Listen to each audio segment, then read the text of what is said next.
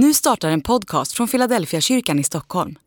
Om du vill komma i kontakt med oss, skriv gärna ett mejl till hejfiladelfiakyrkan.se.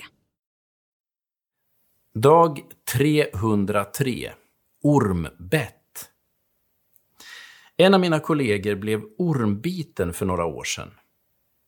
Han hade varit ute på en ö i skärgården och råkat sätta sig precis där en huggorm låg och njöt i, i solskenet. Han såg sig inte för och på ett ögonblick fick han ett rejält bett i ena handleden. Han ringde direkt till sjukvårdsupplysningen och undrade vad han skulle göra. De frågade om han var allergisk och hur han kände sig just då. Eftersom min kollega inte är allergisk och inte kände sig särskilt dålig så bestämde de sig för att han skulle stanna på ön men akta sig för huggormar. Några dagar senare hade hans arm svullnat upp till den dubbla storleken och han tappade all kraft i den. Han kunde inte ens lyfta ett mjölkpaket. Ett huggormsbett är sällan dödligt, men det kan vara nog så besvärligt ändå. Ormgift, liksom många andra gifter, går på nervsystemet och påverkar alla normala funktioner negativt. Det är inte alltid det går så fort, men effekten är densamma.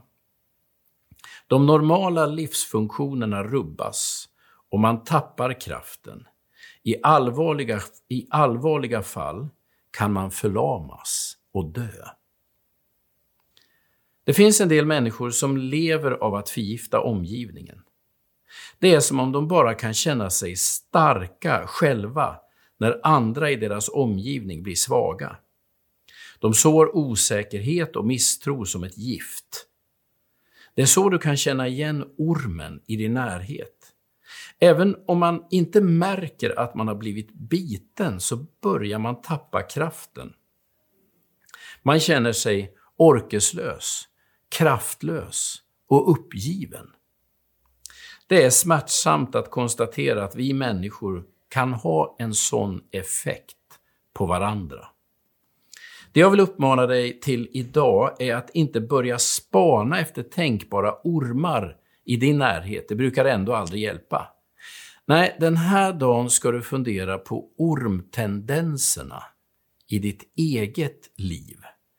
Finns det något du behöver förändra hos dig själv?